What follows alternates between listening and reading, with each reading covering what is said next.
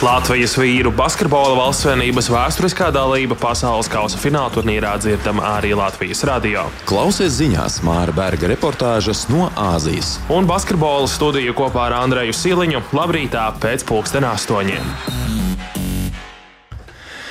Pasaules kausa izcīņā Latvijas vīru basketbola valsts vienībai palikusi pēdējā spēle pirmajā grupu turnīrā, un šovakar tā pulksten 16.30, kad jāspēlē pret grupas galveno favorītu Kanādu.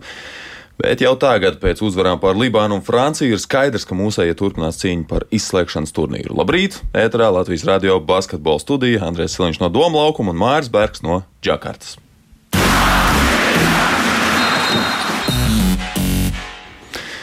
Labrīt, Māri!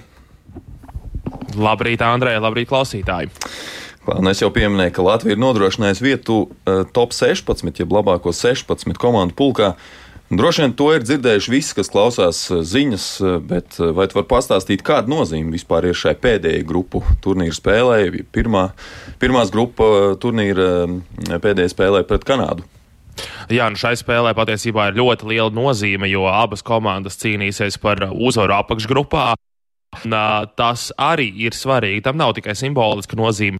Tā praktiska vērtība turnīra turpinājumā, jo šī pirmā grupa turnīra rezultāts līdz arī uz otro grupu jeb uz uh, labāko 16. un uh, mēs varam mazliet pašķirstīt vēstures grāmatas, nekur tālu nešķirot. Paskatīsimies uz 2019. gada pasaules kausu Ķīnā, kas arī notika pēc identiska izspēles formāta. Tur uh, ceturdaļfinālu sasniedza septiņas no grupas uzvarētājām. Vienīgā komanda, vienīgā grupas uzvarētāja, kas netika ceturtajā bija Brazīlija. Toreiz viņi uzvarēja visas trīs spēle, pēc tam zaudēja abas spēles šajā otrajā grupu turnīrā. Līdz ar to tas vien liecina, ka grupas uzvarētājiem šajā pirmajā kārtā ir diezgan, diezgan liels priekšrocības jau pēc tam izslēgšanas turnīrā.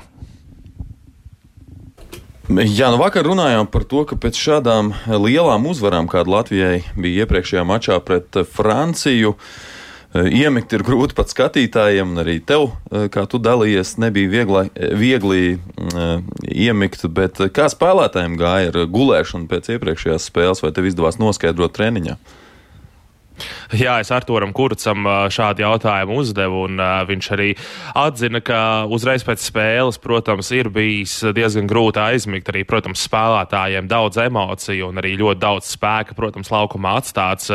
Tāpēc arī viņiem, protams, pēc mača pret Franciju bija grūtāk iemigt, taču beigu beigās spēle šodien diena ir bijusi starpā, un, protams, spēlētājiem aizvadītā nakts noteikti ir gulējusies jau krietni, krietni labāk, un par to, ka kāds varētu būt neizdevies neizgulējies šī vakara spēlē, nu par to mēs noteikti tā nevaram runāt. Un kāds kopējais noskaņojums pēc lielās uzvaras un tikšanas tālāk, jo būtībā ir nodrošināta jau uh, olimpiskā kvalifikācija nākamajā vasarā. Nu, tas ir viens no tādiem lielajiem mērķiem šajā turnīrā. Vai nav tāda eiforija nedaudz, vai visi spēlētāji joprojām ir ar abām kājām uz zemes? Nē, nē, nē, nekāda eifórija šeit nav. Visi ir ļoti koncentrējušies uzdevumam. Spēlētāji, kā jau tu saki, saglabā abas kājas pie zemes. Šis pirmais uzdevums, proti, kvalificēties labāko 16. ir izpildīts, arī olimpiskā kvalifikācija ir. Taču tā ir tikai daļa no šī visa. Labi, ka tas ir sasniegts, bet nekas jau nebeidzas. Turnīrs turpinās, pretinieki kļūs tikai spēcīgāki. Kanāda, protams, ir pierādījusi, ka šajā turnīrā viņi varētu būt vieni no galvenajiem favorītiem. Arī Brazīlija un Spānija, kas visticamāk būs Latvijas pretinieki nākamajā grupu turnīra fāzē. Arī ir ļoti respektablas komandas, un uh, mūsējie saglabā koncentrēšanos uh, darbam, spēlei. Un, kā teica viens no treneru palīgiem, Arturs Visockis Rubenis, gribētos aizbraukt uz Filipīnām Latvijas izlasē. Bet, lai to izdarītu, ir jāiekļūst ceturdaļfinālā, jo citādi uz Filipīnām varēs braukt tikai atvaļinājumā. Jā, nu pat eh, man kanādiešu kolēģis eh, burtiski ētera laikā atsūtīja ziņu, ka Lūdorts nepiedalījies šī rīta treniņā Kanādai, kas eh, nozīmē, ka varbūt par vienu NBA spēlētāju kanādiešiem šodien būs mazāk ne septiņi, bet seši e, ierindā. Viņš nespēlēja arī vienu no iepriekšējiem mačiem pret Libānu. Bet, e, ja par spēlētājiem, kur nespēlē, tad droši vien e, jāteic arī tā, ka mēs esam palikuši bez viena no svarīgākajiem Latvijas spēlētājiem, bez Latvijas izlases simbolu un komandas kapteiņa Dāra Bērtāna. Um, viņš guvis savainojumu un, un šajā turnīrā vairs nespēlēs. Vai tas nozīmē, ka mums būs jauns kapteinis? Nē, mums jauns kapteinis nebūs. Dairis Bartāns paliek Latvijas izlases kapteinis. Kā zināms, turnīrā nevar pieteikt jaunus spēlētājus, respektīvi Latvijas izlase šobrīd paliek ar 11 spēlētājiem. Un šādā sastāvā tad arī turpinās cīņu līdz pat brīdim, kad Latvijai turnīrs noslēgsies. Dairis, protams, paliek kopā ar Latvijas izlasi. Viņš būs katrā no nākamajām spēlēm kopā ar komandu soliņa, būs ģērbtuvēs, viesnīcā. Visur, kur būs komanda, tur būs arī Dairis.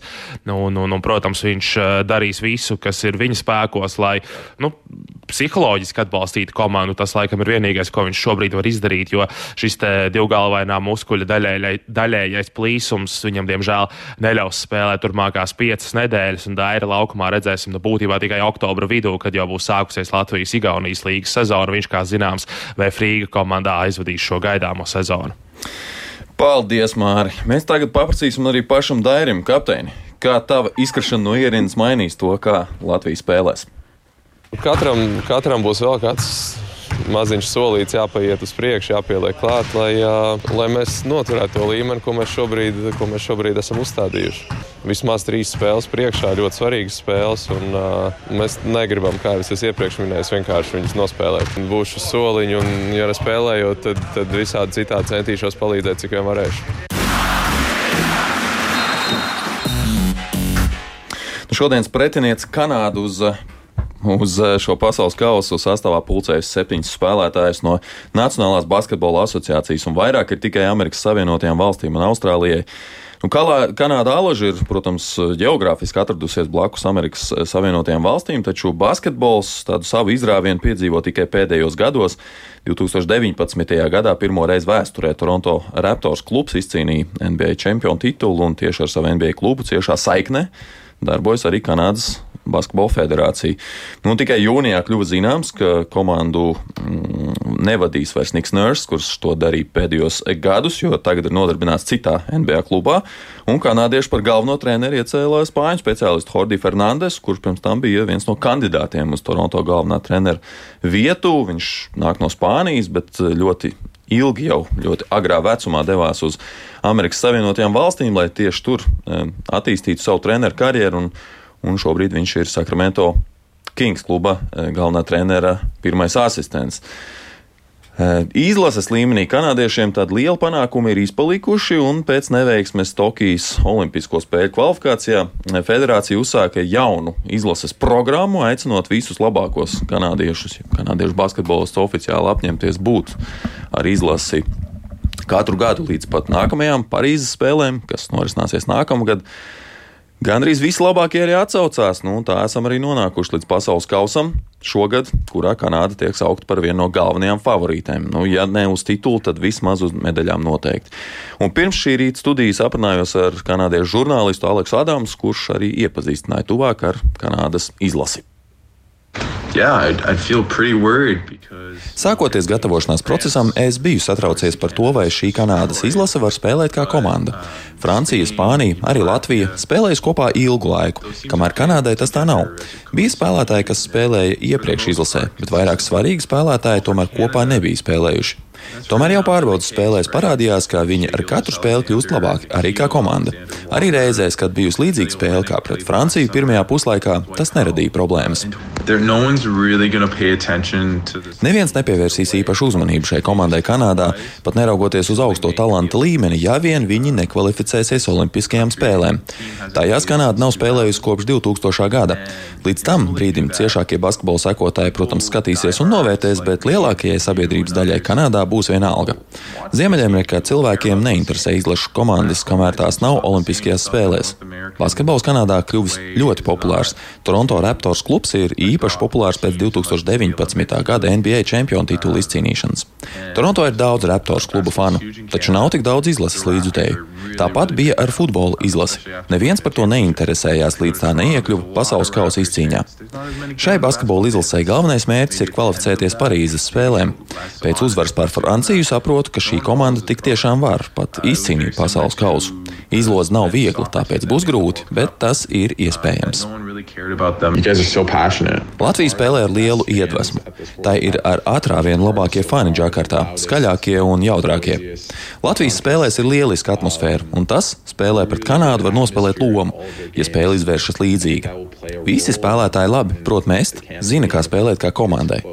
Kanādiešiem nebūs viegli, jo latvieši ir gatavi fiziskai cīņai, un tas, ar kādu cīņas par Latviju atspēlējās pret Franciju, bija ļoti iedvesmojoši. Latvija nekad nepadosies, tā vienmēr cīnīsies līdz galam. Latvieši ir lepni par savu komandu, un viņiem ir pamats tādiem būt. Pēc uzvaras pār Franciju bija skaidri redzams, cik daudz tas nozīmē līdzutējiem. Dzirdēju, ka Latvijā pēc bronzas hokeja čempionātā bija oficiāla brīvdiena. Cerams, ka Latvijā atkal būs vajadzīga brīvdiena arī pēc šī pasaules kausa.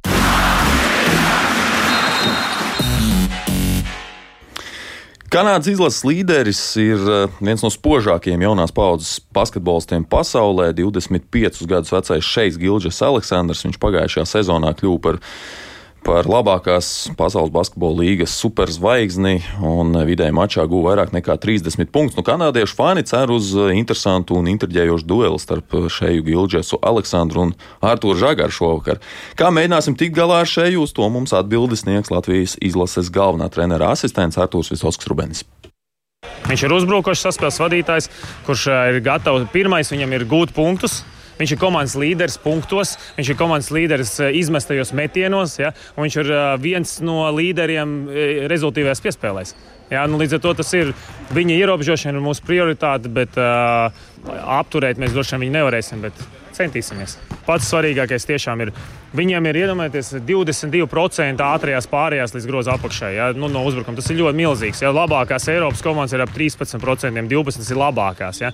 Līdz ar to pirmais, tas ir šeit, ir ierobežošana, ja viņa, bet uh, vispār komandas neļaut komandai aizskriet un gūt vieglos punktus. Tā ir mūsu prioritāte uz rītdienu. Jo praktiski katrs, kurš izcīna atliekošo bumbu, var iesākt ātrā pārējā. Ja?